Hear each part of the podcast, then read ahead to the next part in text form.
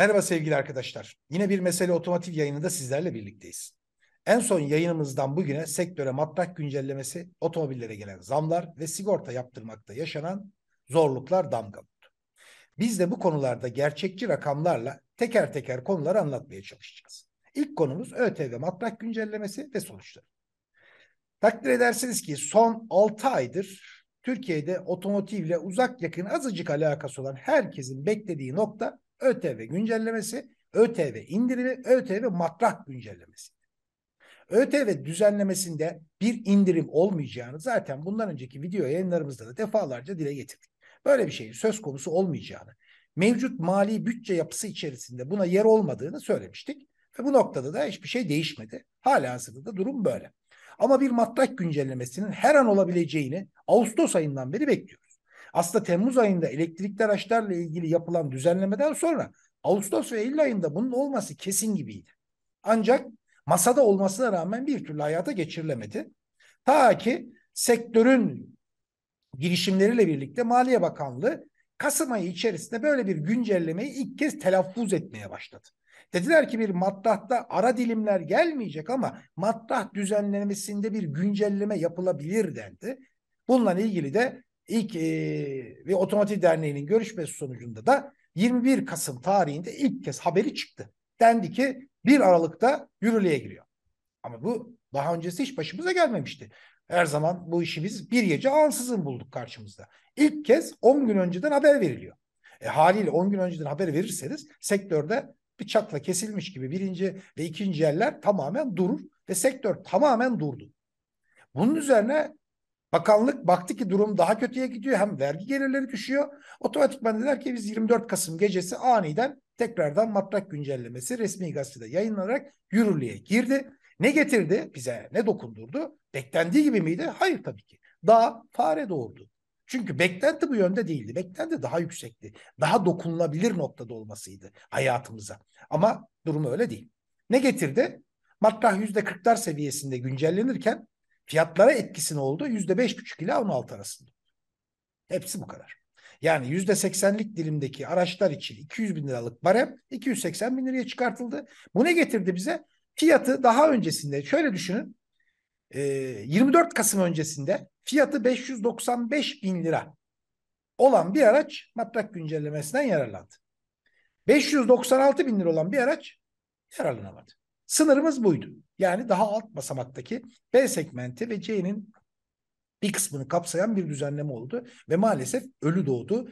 Yeteri kadar karşılık bulamadı. Sektörden de bulamıyor. Neden? Çünkü zaten araç yok. Her şeyden ötede 24 Kasım tarihinden hemen önce ve sonrasında araç fiyatlarına %2,5 ila %12,5 arasında zam geldi arkadaşlar. Şöyle düşünün. 100 bin liralık bir araca siz %5 zam yaparsanız aracın fiyatı 5 bin lira artar. Hayır öyle artmıyor. Bizde neden öyle artmıyor? Çünkü buna ÖTV koyuyorsunuz, KDV koyuyorsunuz. O aracın fiyatı otomatikman yüzde on bir artıyor. Bu da zaten dilimin üzerine çıkardı. Yani dün eğer o düzenleme daha erken yapılmış olsaydı belki daha çok sayıda araç %50'lik 45'lik dilimlere girebilecekti veya 60'lık dilime girecekti. Ama bugün giren araç sayısı çok sınırlı kaldı. Ömrüne güneşli bir havadaki kar topu gibi. Maksimum iki bilemediniz iki buçuk ay. Ocak ayındaki düzenlemenin de ömrü zaten yaklaşık olarak Nisan ortalarını bulmuştu. Nisan ayından itibaren de tamamen yürürlükten kalkmıştı. Bu andaki de aynı anda öyle. Burada en büyük sıkıntı şu. Kasım ayında ciddi anlamda fiyatlara zam geldi. Aralığın biri itibariyle yeniden zam gelmeye başladı. Daha kötüsü şu. Ocak ayından yani 1 Ocak'tan sonra üretilecek tüm araçlar 2023 model olacak otomatikman 2023 model yılı geldiği için bu araçların fiyatlarını da zam gelecek. Hem de daha yüklü zam gelecek. 15 Ocak'tan itibaren yerli otomobiller 30 Ocak veya Şubat'ın 15'ten itibaren de ithal araçlarda 2023 modeller geldikçe fiyatlar daha da yukarıya çıkacak. Yani bu dilimin, bu güncellemenin etkisi Ocak'takinden bile daha kısa sürecek. Hiçbir etkisi kalmayacak. Maalesef e, yani bu güncellemenin bu şekilde olacağına dair daha önce defalarca söylemiştik. Her sorulduğunda da araç alalım mı bekleyelim mi alın demiştik. Çünkü yani bulabiliyorsanız alın ve ihtiyacınız varsa alın. Bakın ihtiyacı olmayan kimseye git araç al demiyoruz. İhtiyacım var almak istiyorum alayım. Al kardeşim. Çünkü gelen zamlarla zaten sen ÖTV diliminden gelebilecek olası karı kaybediyorsun. Çünkü bu dilim güncellemesinde maksimum fayda 78 bin lira oldu bir araçta. Maksimum. En üst seviyede. Yani bu da 45'lik dilime giren bulabilirseniz olan araçta. Böyle bir araçta yok. 50'lik dilime giren araçta var. Onda da yok. Yani bulamıyorsunuz. O 78 bin lirada uçup gidiyor zaten. Onun dışında bir etkisi maalesef olmadı, olmuyor. Peki bu zamlar sürecek mi? Evet sürüyor. Zamlar sürecek arkadaşlar. Bu zamlarla ilgili de haberleri zaten size 3-4 ay önceden söylemiştik. Üretim maliyetlerindeki, tedarik malzemelerdeki fiyat artışları henüz yansımadı, yansıtılmadı. Yeni yeni yansıtılmaya başlanacak demiştik ve yansımaya da başladı. Bu sadece bizim ülkemizde mi? Sadece bizim ülkemizde değil. Dünyanın her yerinde bu böyle. Bütün ülkelerde de fiyatlar artıyor. Her yerde benzer durumlar yaşanıyor. Yalnız onlarla bizim aramızdaki temel farklılık şu. Özel tüketim vergisi ve özel tüketim vergisinden alınan yani verginin vergisinden alan katma değer vergisi. Bu kadar yüksek vergi ödediğimiz için bizim canımız daha çok yanıyor. Bununla ilgili ne olur peki? Ya bunu söylüyorsunuz. ÖTV indiriminden bahsediyorsunuz. Matrahtan bahsediyorsunuz. Ne yapalım? ÖTV'yi de kaldırmadıklarına göre ne yapacağız? Sistemin değişmesi gerekiyor arkadaşlar. Yani ÖTV sistemi tamamen kalkmıyorsa, değişmiyorsa bile uygulama yönteminin değişmesi lazım. Neden değişmesi lazım? Şimdi biliyorsunuz bu güncelleme ile birlikte dilimlerde daha önce 70'te 80'lik dilimde araç var. 50, 60, 45 dilimlerinde araç yoktu. Onun için de bu geçiş daralmıştı. Bugün şimdi 50'lik dilimde de araç bulabileceğiz. Belki kağıt üzerinde. Ama e, tedarik sorunu çözülebilirse olacak. Şimdi 50, 60, 70, 80 dediğiniz zaman aradaki geçişlerde o 30-40 bin liralık farklar artık bir bakıyorsunuz birileri istemeye başlıyor. İşte bu araç var ama elden 30 bin lira verirsen veririm. 40 bin lira verirsen veririm. Aksesuar alırsam veririm. Bunun önüne geçemeyiz. 2020'de de bu vardı, 21'de de vardı, 22'de de var. Bunun önüne nasıl geçeriz? Daha önce de anlatmıştık. Yine söylüyorum. Gelir vergisindekine benzer bir uygulamaya geçersek eğer çok farklı olur. Fiyatlar da daha farklı değişir. Bakın şu anda matrak hiç değişmese dahi bir aracın fiyatını çok ciddi anlamda değiştirebiliriz. Bunu da nasıl yapabiliriz? Vergi sistemindeki hesaplamayı değiştirerek. Şu anda aracın fiyatı 280 bin lirayken %70'lik dilime giriyor. 280 bin 1 lira dediğinizde şey pardon 70'e giriyor. 280 bin 1 lira dediğinizde %80'lik dilime geçiyor. Bakın 1 lirayla aracın matrahı değişiyor. Gün şeyi değişiyor. ÖTV dilimi değişiyor. İşte bunu engellemenin yolu nedir? Der, gelir vergisinde olduğu gibi kademeli geçiş. Yani bir gün şöyle örnek verelim. 300 bin liralık bir aracımız var arkadaşlar. Bu aracımızı şu andaki mevcut uygulamada 637.200 liraya alabiliyoruz. %80 ÖTV, %18 KDV ile birlikte. Bu aracın içerisinde sırf KDV'yi hesaplama yöntemini değişti. Yani verginin vergisini almasak Aracın direkt ham bedeli üzerinden KDV'yi uygulamış olsak aracın fiyatı yüzde 6.78 yani 43 bin lira değişiyor. Geçtik. Vergiyi kademe kademe yapsak yani aracın sıfırdan 184 bin liraya olan kısmını yüzde 45'lik 220 bine kadar olan kısmını %50'lik 250 bine kadar olan kısmını 60'lık 80 bine kadar 280 bine kadar olan kısmını %70'lik 280 binin üstünü de %80 ÖTV diliminden hesaplasak aracın fiyatındaki değişim yaklaşık 100 bin lira. Yani aracın fiyatı 637 bin liradan 537 bin liraya düşüyor. Ne kadarlık bir oran? Yaklaşık %16 otomatikman düşüyor. Ve böylelikle de bu dilim üste çıktı 30 bin ver 40 bin ver diyenlerin sayısını da bir anda sıfıra indirirsiniz. Stokçuluğun önüne bir adımda geçmiş olursunuz. Hele bir de buna KDV'yi az önce söylediğimiz gibi ham bedel üzerinden hesaplamayı eklerseniz araç fiyatı üzerindeki değişim %20 olur. 127.400 lira aracın fiyatı düşer. 300 bin liralık araçtan bahsediyoruz. Satış ham bedeli üzerinden. Bu önemli bir nokta. Bu teklifimizi defalarca anlattık. Defalarca da söyledik. Gelir vergisinde uygulanıyorsa ÖTV'de de uygulanabilir, uygulanmalıdır. Bu tüketicinin, vatandaşının lehine yapılan bir uygulamadır. Bu uygulamayı da daha çok, daha sesli bir şekilde dillendirmemiz gerekiyor. Bu önemli bir nokta. Diğer kısım, yani ÖTV ile ilgili kısım bu. Bir diğer kısım ne var? O kısımda sigorta. Şu anda çok ciddi bir problem haline gelen sigorta kaosu var. Sigortada çok ciddi bir kaos yaşanıyor. Bu kaos nedir? Bir, fiyatlardaki inanılmaz artış. Kasko fiyatları yüzde 300, sigorta fiyatları resmi rakama göre yüzde 174, reelde belki 300'ün üzerinde artış gösterdi. Buna rağmen de sigorta yaptırmakta zorlanıyoruz. Çünkü sigorta yapacak firma bulunamıyor. Sigorta yapmaktan kaçınılıyor. Şimdi tabii burada sigorta fiyatları arttı ama sigorta fiyatlarını ve kasko fiyatlarını belirleyen ana unsurlardan bir tanesi aracın değeridir. İkincisi de yedek parçaya, tedariye gelen fiyat artışlarıdır. Yani burada fiyat artışını bir şekilde absorbe edebiliyorsunuz. Tamam. Araçların fiyatları bir gün iki, iki buçuk kat arttı.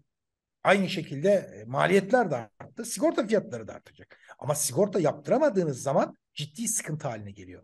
Bugün yollarımızda gezen her 100 aracın 20 tanesi sigortasız.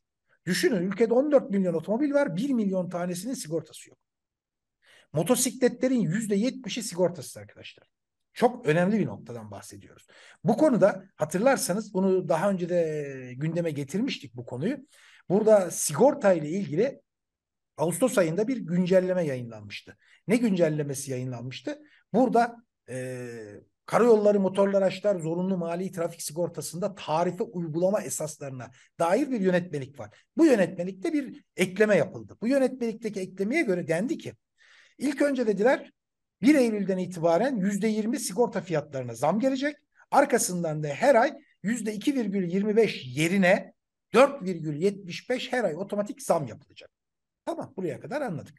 Ama dedi bakanlık biz dedi eğer bu şartlara rağmen sigorta yapmaktan kaçılırsanız bununla bir karşılığı olacak. Diyor ki bu düzenleme 12 Ağustos 2022 tarihli poliçe düzenlemekten kaçındığı tespit edilen sigorta şirketlerinin kurumca belirlenen sigorta branşlarında veya tüm sigorta branşlarında poliçe düzenleme ve yenileme yetkisi 3 günden az 30 günden fazla olmamak kaydıyla geçici olarak durdurulabilir diyor. Tekrarı halinde ise iki katına kadar arttırılabilir diyor. Biz de soruyoruz sigorta birliği neyi bekliyorsunuz? Madem sigorta yapmaktan kaçınılıyor o zaman yönetmeliği uygulamanızı bekliyoruz. Zam konusu uygulanırken bu konunun uygulanmaması ciddi bir problemdir. Vatandaş bu anlamda ciddi anlamda mağdur oluyor. Sigortasızlıktaki sıkıntı nedir arkadaşlar? En önemli kısmı. Sigorta zorunludur zaten. Yaptırmak zorundasınız. Ve sigorta öncelikle trafikte kazaya karıştığınızda üçüncü şahısları korur. Yani sizin sigortanızın olması bir şey ifade etmiyor. Karşınızın sigortası yoksa ve kazada karşı taraf kusurluysa yandı keten elba. İşte orada ciddi sıkıntılar başlıyor. Onun için denetimlerin sıklaşması, sigortanın daha ulaşılabilir olması, sigorta ile ilgili bu kaçınılma, aşırı yüksek fiyatların çıkmasının da önüne geçilebilmesi için bakanlığın mutlak surette devreye girmesi gerekiyor. Bu da önemli bir konu. Konularımız bunlar. Yalnız sizden gelen sorular var. İki tane. O sorularla ilgili hemen yanıt vermeye çalışalım. Bir sorumuz şu. Şu anda dizel, benzinli ya da elektrikli otomobil hangisini almak daha mantıklı denmiş. Şu anda arkadaşlar zaten yakıt tipine göre baktığımızda, satışlara baktığımızda da dizel satışlarının ciddi oranda düştüğünü görüyoruz. En son e, rakamlar yani Kasım ayı rakamlarında baktığımızda yollarımızda yani satılan her 100 otomobilin %70'i benzinli, %17'si dizel, yaklaşık %1.2'si elektrikli. Yani burada tercihten öte pazara sunulan, arz edilen araç tipi ve sayısı çok önemli. Burada artık benzinli araçlar geliyor. Dizel araç bulmakta zaten zorlanacaksınız, zorlanıyorsunuz. Onun için tercih burada benzinliye kaydı. Benzinli ancak almak daha mantıklı, daha ulaşılabilir. Diğer taraftan elektrikli araçla ilgili de bir gün ciddi anlamda bir çalışma yapmıştık. Çalışmayı gelecek ay sizlerle de paylaşacağız. Bugün gazete pencerede yayınlandı, yayınladık. Türkiye'deki elektrikli araçların haritasını çıkardık. Bugün ülkemizde 81 e, il var. 12 tanesinde 2022 yılı boyunca bir tane bile elektrikli araç satılmamış. 57 tanesinde 10 adetin altında kalmış satışlar. Yani altyapı yetersizliği, fiyatların ulaşılabilirlikten uzak olması ki satılan yine her 100 otomobilin, elektrikli otomobilin 65 tanesi premium araçlar. Yani oldukça fiyatları yukarıda olanlar, ulaşmakta zorlanacağımız, toplumun en azından yüzde doksanının ulaşmakta zorlanacağı kesimdeki araçlar. Onun için elektrikli araç içinde hala alınacak çok ciddi bir mesafe var. Yani orada da yolumuz uzun, mesafemiz, yollarımız engebeli. Bunu da söylemekte fayda var arkadaşlar. Diğer taraftan bu güncellemenin ikinci ele etkisi nedir diye sorulmuş. İkinci el pazarı Temmuz ayından beri zaten doğal bir şekilde sürekli daralıyordu. Daralmaya da devam etti. Kasım ayının son haftasından o aralığın ilk haftası yani şu an içinde bulunduğumuz günlerde küçük de olsa bir kıpırdanma var, hareketlenme var.